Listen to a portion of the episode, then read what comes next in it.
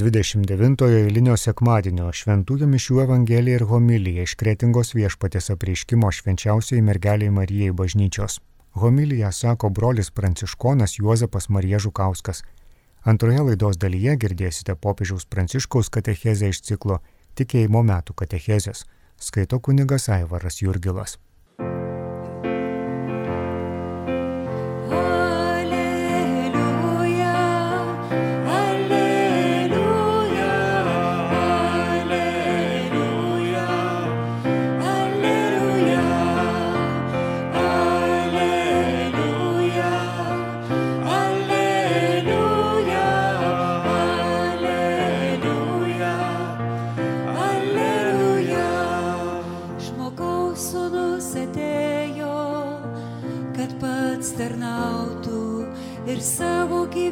sky.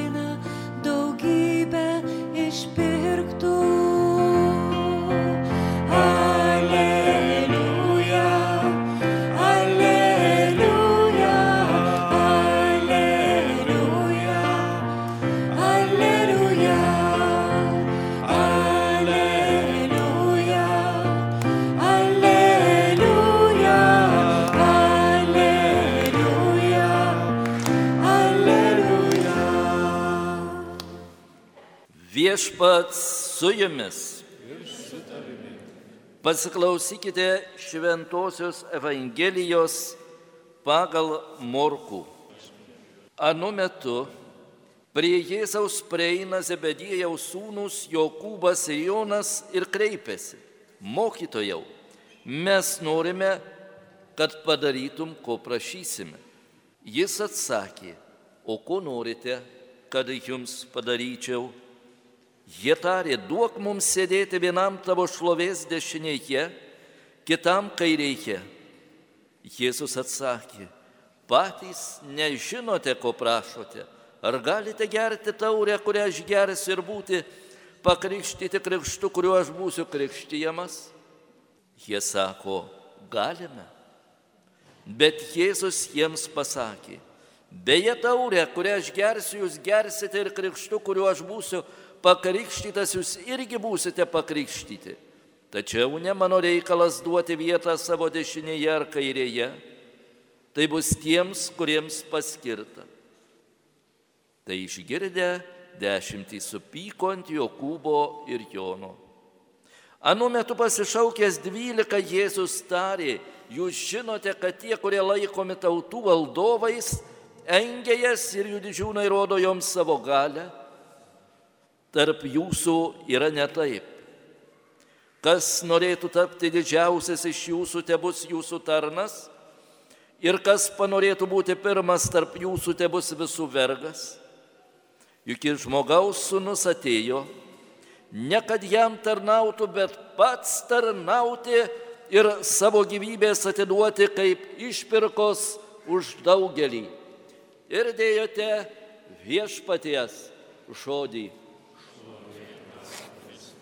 Taigi šiandien nekartą girdėjome žodį tarnystė ir taip pat matėme žmonių tą troškimą pasipuikuoti, būti didžiu. Ir pačiame tame norė būti didžiu tikriausiai nėra nieko blogo. Ir jūs taip pat skatinate ir savo vaikus, kai auga, kad siektų vis didesnių dalykų, kad neapsiribotų mažais. Tačiau troškime būti dideliu visuomet yra ir pavojus tapti tyronu, tapti tuo, kuris nesiskaito su kitais ir tapti tuo, kuris įsivaizduoja, kad dėl užimamos pozicijos jis yra aukščiau už kitus. Ir čia man prisimena vienas toksai indienų pasakojimas apie vieną indienų vadą, kuris sakė, aš esu pats galingiausias, pats didžiausias, pats svarbiausias ir nieko nėra tokio kaip aš, kuris galėtų man prilygti. Ir štai viena moteris sako, žinai, yra ir už tave didesnių. Sako, kaip parodyk, kas čia už mane didesnis. Sako, ateik rytoj vidurdienį į mano palapinę ir aš tave supažindinsiu su tuo, kuris iš tiesų yra didis. Na ir tas indienų vadas gerai išsimiegojo, kad būtų palisėjęs, stiprus, apsirengę gražiausiais savo rūbais, pasipuošę relio plunksnom, užsidėjo iškreuklių suvertus karolius, pasiemė geriausią savo jėti ir nužingsniavo prie tos moters palapinės. Dairosi aplinkui, kur čia ateis tas didis vadas, kuris už jį didesnis, žiūri nieko nėra. Ta moteriškė sako, užeik į vidų. Ateina, žiūri, į pati viena ten sėdi ir mažas vaikas ropinėja ant palapinės. Sako, tai kurgi tas vadas, kur tas didis žmogus? Ir ta moteriškė rodo į tą vaiką, sako, va jis, Vadas baisiausiai supykęs pradėjo rėkti, ką tu čia sena moteriškė visokius niekus išdarinėjai šaipais iš manęs, mano laiką gaišini. Vaikas išsigando tokio rėkimo ir pradėjo verkti. Vadas susinepatogino, atsitupė prie to vaiko, pradėjo suplunksnom visai pytenais linksminti, barškinti savo visokiais karoliukais, nu, kol tas vaikas pagaliau nurimo. Ir ta moteris sako, matai, net toks didis vadas kaip tu esi linkęs patarnauti vaikui. Ir Dievas tai patvarkė, kad mažiausias ir silpniausias iš vaikų trokšta mūsų stiprių ir didelių patarnavimų. Ir Dievas tau davė didžią jėgą ne tam, kad puikuotumės, bet kad pagelbėtum silpniems. Ir štai girdime istoriją apie Jėzaus mokinius, apie du ypatingus mokinius, du brolius, Jokūbą ir Joną, kurie ateina pas Jėzų su labai aiškiu prašymu. Viešpatie, norime, kad padarytum taip, kaip mes prašome. Ir Jėzus sako, o kogi norite, kad jums padaryčiau? Ir jis sako, štai kai būsi savo karalystės didybėje, norime, kad vienas mūsų sėdėtų tau iš dešinės, kitas iš kairės. Tikrai didelė ambicija. Jau negana to, kad apaštalai išskirti iš kitų žmonių, šie nori būti aukščiau net ir už savo bičiulius apaštalus ir naudotis viešpaties artumu. Žinome, kuo ta istorija baigėsi, kaip kiti apaštalai supyksta, žinome Jėzaus atsakymą, bet ar pagalvojame, o kaip čia atsitiko? Kaip čia atsitiko su tais apaštalais ir ko jie iš tiesų prašo?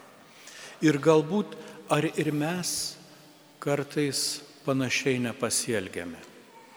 Nu, aišku, galėtume sakyti, kad tikrai netrokštame čia vadovauti viskam, net kartais šnekėdami apie politiką, apie pasaulio reikalus, aišku, mes geriau žinome už visus politikus, kaip čia viską sutvarkyti ir padaryti, kad visiems būtų gerai gyventi, tai čia dėl to klausimo nėra.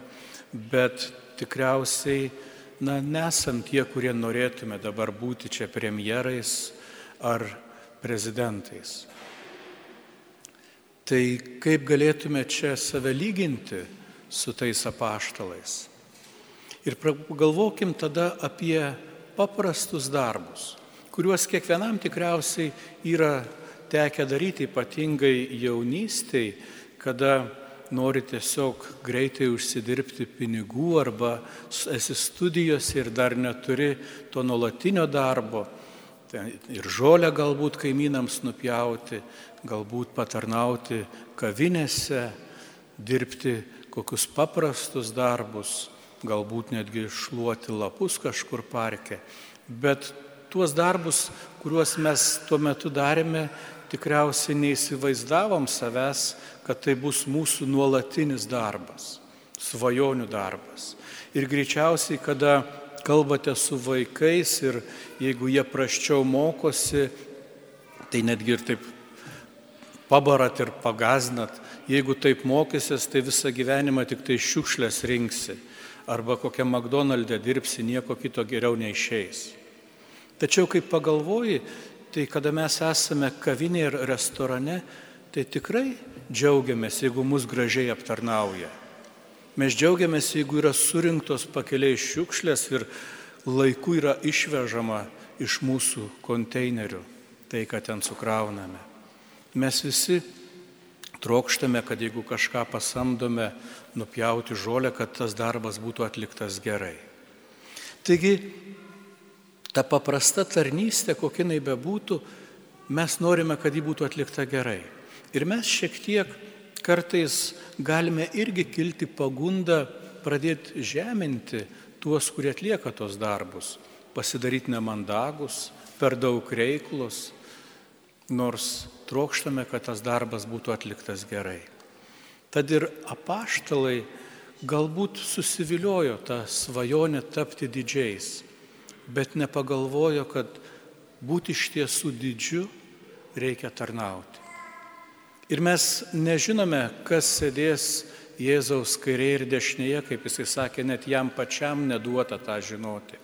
Tačiau mes žinome, kas atsisėdo dangiškoje tėvo dešinėje tai Jėzus, kuris atėjo ne tam, kad jam tarnautų, bet pats tarnauti ir savo gyvybės kainą sumokėti už mūsų daugelį.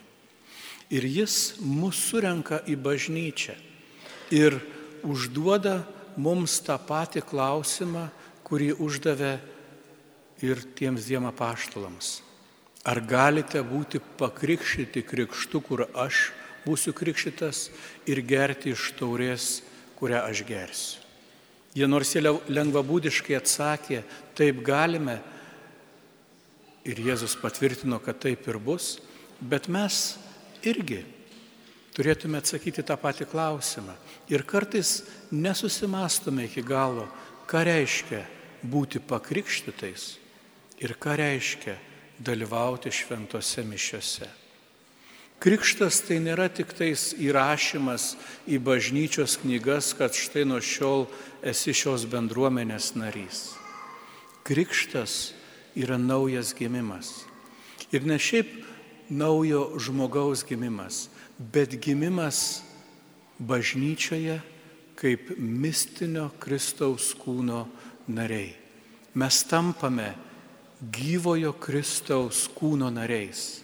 Taigi esame sujungti daug tampresniais ryšiais, negu iki tol buvome susijęti savo šeimose.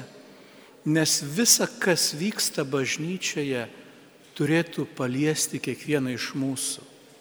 Kaip mes esame įpratę naudotis visomis malonėmis, kurios yra bažnyčioje, šventųjų užtarimu, jų pavyzdžiais, nes jų nuopelnai yra ir visų mūsų nuopelnai. Lygiai taip pat mes turėtume išgyventi liūdės ir skausmą dėl atskirų bažnyčios narių nesėkmių arba suklupimų. Nes jų nesėkmė ir suklupimas yra ir kiekvieno iš mūsų nesėkmė ir suklupimas. Ir todėl bažnyčioje esame raginami melstis vieni už kitus mokyti viens kitą, vesti viens kitą. Nes į tėvo namus keliaujame jau nebe po vieną, o visi kartu. Šventųjų globojami ir patys pašaukti globoti klumpančius ir nusidedančius. Taigi būti pakrikštytų bažnyčioje reiškia prisimti visus brolius ir seseris kaip savo asmeninį rūpestį nes apie kiekvieną iš jų Dievas paklaus, kur tavo brolis ir kur tavo sesuo. Ar nepalikai jų kažkur gyvenimo pakelyje, kai jis buvo suklupęs ir silpnas? Ar padėjai jam pakilti? Ar ištiesiai mylinčią ranką? Ar ištariai paguodo žodį? Ar aprengiai, kai matei, kad jisai nuogas? Ar pamaitinai, kai buvo alkanas? Tai krikštas mūsų vienyje. Na, o komunija, kas tai yra? Tai yra daugiau negu prisiminimas, ką Jėzus padarė prieš 2000 metų. Tai vėlgi gyva bendrystė ir įsipareigojimas. Ir kuomet Jėzus kalbėjo apie taurę, visa tai buvo Velykų vakarienės metu. Ir Velykų vakarienės metu žydai geria net keturias taures. Taigi visos keturios yra labai svarbios. Pirmoji būdavo laiminimo taurė, kada laiminamas Dievas. Įsivaizduojat, laiminamas Dievas už tai, kad Jis mūsų kūrė ir davė nuostabų pasaulį. Taigi kiekvieną kartą, kada ateiname į bažnyčią, mes esame kviečiami visų pirma padėkoti Dievui. Padėkoti Dievui už gyvenimo dovaną, padėkoti Dievui už viens kitą ir pasidžiaugti, kad štai galėjome būti kartu. Antroji taurė yra dėkojimo taurė. Kada dėkojama už visą, ką Dievas iki šiol yra padaręs gero mūsų gyvenime. Na, žydai prisimena išėjimą iš Egipto, visus Dievo didžius darbus jų tautoje. Mes esame kviečiami prisiminti irgi visą savo istoriją. Prisiminti, kiek kartų Dievas buvo šalia, net kai mes buvome nuo jo nusisukę. Prisiminti visus savo artimuosius, savo tėvelius, savo protėvius, melžiantis už juos. Tėvai yra kviečiami prisiminti savo vaikus, pavedant juos Dievo globai ir vedimui. Trečioji taurė yra pranašo arba mesijo taurė. Ir buvo be galo įdomu, kad tą taurę geriant būdavo išsakomi lūkesčiai, ko tauta laukia. Taigi esame irgi kviečiami susirinkę išsakyti savo prašymus ateičiai, savo viltis atnešti Dievo akivaizdon. Ir kas įdomiausia, kad tos trečios taurės vyrai negerdavo. Sakydavo, ta taurė bus išgerta, kai ateis mesijas. Ir ją išneždavo. Yra tokie pasakojimai ir legendos, kad tą taurę išgerdavo moteris, kurios nedalyvaudavo Velykų vakarienės metu, nes prie stalo sėdėdavo vieni vyrai. Bet moteris ją išgerdavo irgi su viltimi, sakydamos, kad viena iš mūsų taptų mesijo motina. Taigi ta mesijo taurė buvo vilties taurė, svajonių išsipildymo taurė. Ir kiekvienas iš jūsų galite atnešti savo svajonės Dievui, atnešti savo gražiausius norus, prašydami, kad viešpats juos palaimintų. Ir galiausiai ketvirtoji taurė buvo ta, apie kurią Jėzus pasakė, aš daugiau negersiu vynmedžio vaisiaus, tik tais kaip tėvo karalystėje būsiu. Tai yra Dievo karalystės taurė, kurią iš tiesų gerdavo tos vakarinės metu, bet jau iš tiesų dėkodami už visus palaiminimus ir tarsi išgyvendami Dievo karalystės buvimą. Taigi kiekvienas iš jūsų galite prisiminti stebuklus įvykusius jūsų gyvenime, ypatingą Dievo galbūt prisilietimą ir padėkoti už tai Dievui. Arba melstį stebuklą. Kiekvienas iš mūsų esam reikalingi stebuklo. Ir net ir tėvė mūsų maldoje sakome, tėteinė tavo karalystė. Taigi tai yra vilties ir Dievo karalystės laukimo taurė. Ir visos jos randa bendrystę mūsų Euharistėje, kur Jėzus Kristus savo kūnę visą tai suvienyje. Taigi kiekvieną kartą, kai einate komunijos, tai nebūna tegul tik tais paprastas ateimas, bet te būna viso gyvenimo atnešimas. Dar daugiau, kada yra ruošiama duona ir vynas ant altoriaus. Jūs kaip mistinio Kristaus kūno nariai galite vienyti su Kristumi ir sakyti, Dieve, aš noriu atnešti ir save, savo kūną, savo visą gyvenimą ant šio altoriaus. Ir kad tai, kas ten yra trapus, silpna ir praeinanti, būtų perkeista ir gautų amžinybės bruožų. Ir tuomet ta priemama komunija bus ne tik vienimas su Kristumi, bet vienimas vienas su kitu, nes visų mūsų kūnai, visų mūsų gyvenimai čia bus paukoti, bus perkeisti, palaiminti. Ir taps mums mūsų kelionės duona, kada iš čia išeidami išsinešime ne tik asmeniškai mums skirtus Dievo palaiminimus, bet išsinešime ir viens kitą su visais džiaugsmais ir vargais, su visais suklupimais ir palaiminimais, kad iš tiesų taptume bažnyčia, kuri eina į tėvo namus.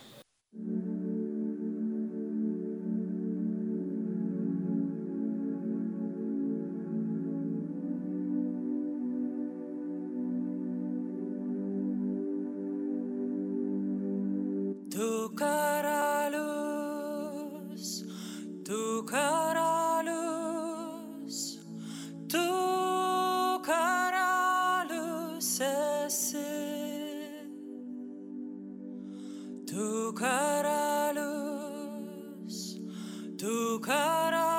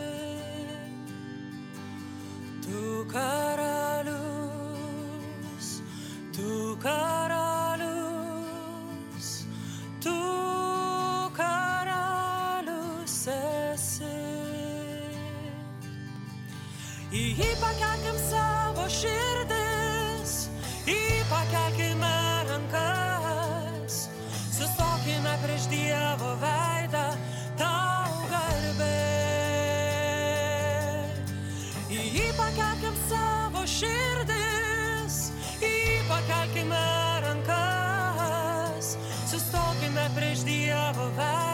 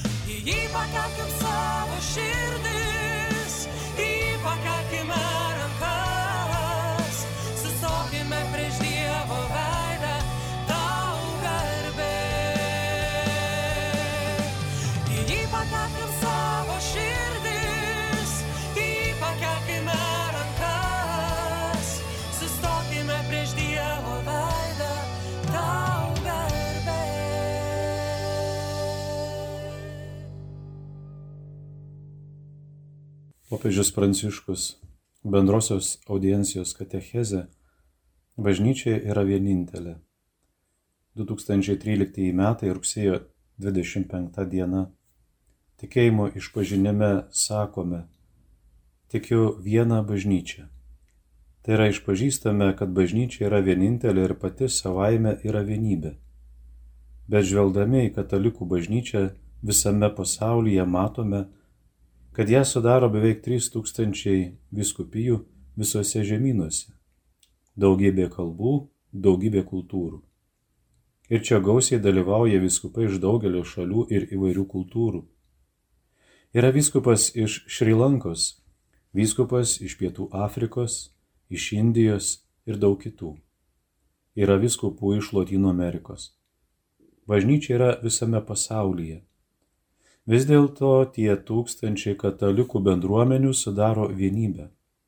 Kaip tai įmanoma?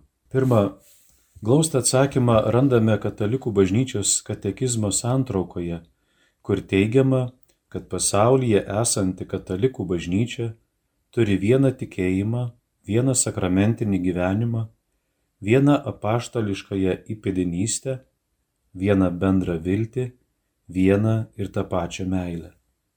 Katalikų bažnyčios katekizmas 161 numeris. Tai puikus aiškiai mus orientuojantis apibrėžimas. Vienybė tikėjime, viltyje, meilėje, vienybė sakramentuose, tarnystėje. Tai tarsi kolonos, kuriomis remiasi visas didysis bažnyčios pastatas. Kur tik eitume, net į pačią mažiausią parapiją, tolimiausiame šio žemės pakrašty, visur viena bažnyčia esame namuose, šeimoje, tarp brolių ir seserų. Tai didžiulė Dievo dovana. Bažnyčia visiems yra viena. Nėra atskiros bažnyčios europiečiams, atskiros afrikiečiams, atskiros amerikiečiams, azijiečiams ar okeanijos gyventojams. Ne, bažnyčia visur yra ta pati.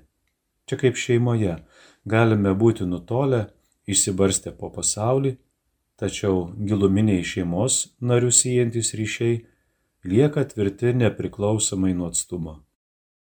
Pavyzdžiui, mastau apie pasaulio jaunimo dienų Rio de Žaneirė patirtį. Begalinėje jaunuolių minioje Kopakapanos paplūdimyje buvo girdėti kalbant daugybę kalbų. Teko matyti labai skirtingų veido bruožų, sutikti įvairių kultūrų vis dėlto ten vyravo gili vienybė ir tą vienybę galime buvo justi. Tad klauskime savęs, ar aš kaip katalikas jaučiu tą vienybę, gyvenu bažnyčios vienybę. O gal man jie visai nesvarbi, nes esu užsidaręs savo mažoje grupėje ir pačiame savyje.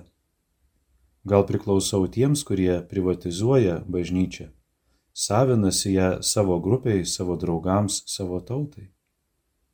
Liūdna matyti, kaip bažnyčia privatizuojama dėl egoizmo, dėl tikėjimo stokos. Tai liūdna. Kai mastau ir girdžiu sakant, jog daugybė krikščionių pasaulyje kenčia, esu abejingas ar jaučiu, tarsi kentėtų mano šeimos narys. Kai mastau arba girdžiu, kad taip daug krikščionių yra persiekėjami ar atiduoda gyvybę dėl tikėjimo, ar tai paliečia mano širdį o gal manęs nepasiekia? Ar esu atviras tam broliui, tai seseriai, priklausantiems šeimai, atiduodantiems gyvybę dėl Jėzaus Kristaus? Ar melžiamės vieni už kitus? Užduodu jums klausimą, tačiau atsakykite ne balsu, bet savo širdyje. Kiek iš jūsų melžiatės už persekiojimus krikščionis? Kiek? Tegu kiekvienas atsako savo širdyje, ar meldžiuosi už šį brolį, už šią seserį, kurie išgyvena sunkumus, išpažindami ir gindami savo tikėjimą. Reikia žvelgti plačiau, neužsidaryti savo aptvare, jaustis bažnyčia, viena Dievo šeima. Antra, ženkime dar vieną žingsnį ir klauskime, ar ši vienybė nėra pažeista, ar mes galime žaisti šią vienybę. Deja, istorijos kelyje būta visko ir net dabar ne visada gyvename vienybėje. Atsiranda nesusipratimų, konfliktų, įtampų, susiskaldimų, kurie ją žaidžia ir tada matome bažnyčios veidą ne tokį, kokio norėtume. Jis nerodo meilės, kurios nori Dievas. tai mes keliame susiskaldimus. Užtenka pažvelgti į dar tebesančius susiskaldimus tarp krikščionių, katalikų, ortodoksų, protestantų. Jaučiame, kaip sunku pasiekti pilnutinę regimą vienybę. Dievas mums davonoja vienybę, bet mes dažnai nesugebama ją gyventi. Reikia siekti bendrystės ir ją kurti, ugdyti bendrystę, stengtis įveikti nesusipratimus ir susiskaldimą, pradedant nuo šeimos, bažnytinių bendruomenių, taip pat ir plėtojant ekumeninį dialogą. Mūsų pasauliui reikia vienybės. Tai epocha, kai mums visiems būtina vienybė susitaikinimas ir bendrystė, o bažnyčia yra bendrystės namai. Šventasis Paulius rašė Efezo bendruomeniai. Taigi aš, kalinys viešpatyje, raginu jūs elgtis, kaip dera jūsų pašaukimui, į kurį esate pašaukti, su visu nuolankumu bei meilumu, su didžia kantrybė palaikykite tarpusavio meilę, uoliai sergikite dvasios vienybę taikos ryšiais. Ketvirtas skyrius, pirma, trečia eilutės. Vienybė išlaikyti reikia nuolankumo, meilumo, kantrybės ir meilės. Būtent tokie yra keliai, tikrieji bažnyčios keliai. Dar kartą paklausykime. Nuolankumas prieš tuštybę, prieš puikybę, nuolankumas, meilumas, kantrybė ir meilė siekiant išlaikyti vienybę. Toliau Paulius sako, vienas kūnas, Kristaus kūnas, kurį priimame Euharistijoje, viena dvasia, šventoji dvasia, kuri gaivina nuolatos, atkuria bažnyčią. Viena viltis, amžinasis gyvenimas, vienas tikėjimas, vienas krikštas, vienas Dievas, visų tėvas. Palyginti laiškas Efeziečiams, ketvirtas skyrius, ketvirta šešta eilutės. Kokia apstybė mus vienyje? Tikrasis turtas yra tai, kas mus vienyje, o neskiria. Tai bažnyčios turtas. Tegu kiekvienas šiandien paklausia, ar prisidedu prie vienybės ugdymo šeimoje, parapijoje, bendruomenėje, o gal tik plepu. Ar esu susiskaldimų, blogybių priežastis? Nežinote, kiek daug blogo bažnyčiai, parapijoms, bendruomenėms padaro apkalbos, daro žalą. Apkalbos žaidžia. Krikščionis prieš apkalbinėdamas teisįkanda liežuvį. Taip ar ne? Tai bus mums naudinga, nes ištinus liežuviui negalėsime kalbėti, apkalbinėti. Ar turiu nuolankumo kantriai aukodamasis gydyti bendrystės sužeidimus? Trečia. Ir galiausiai dar vienas žingsnis gilyn. Geras klausimas, kas yra bažnyčios vienybės variklis? Tai šventoji dvasia, kurią visi gavome priimdami krikšto ir sutvirtinimo sakramentus.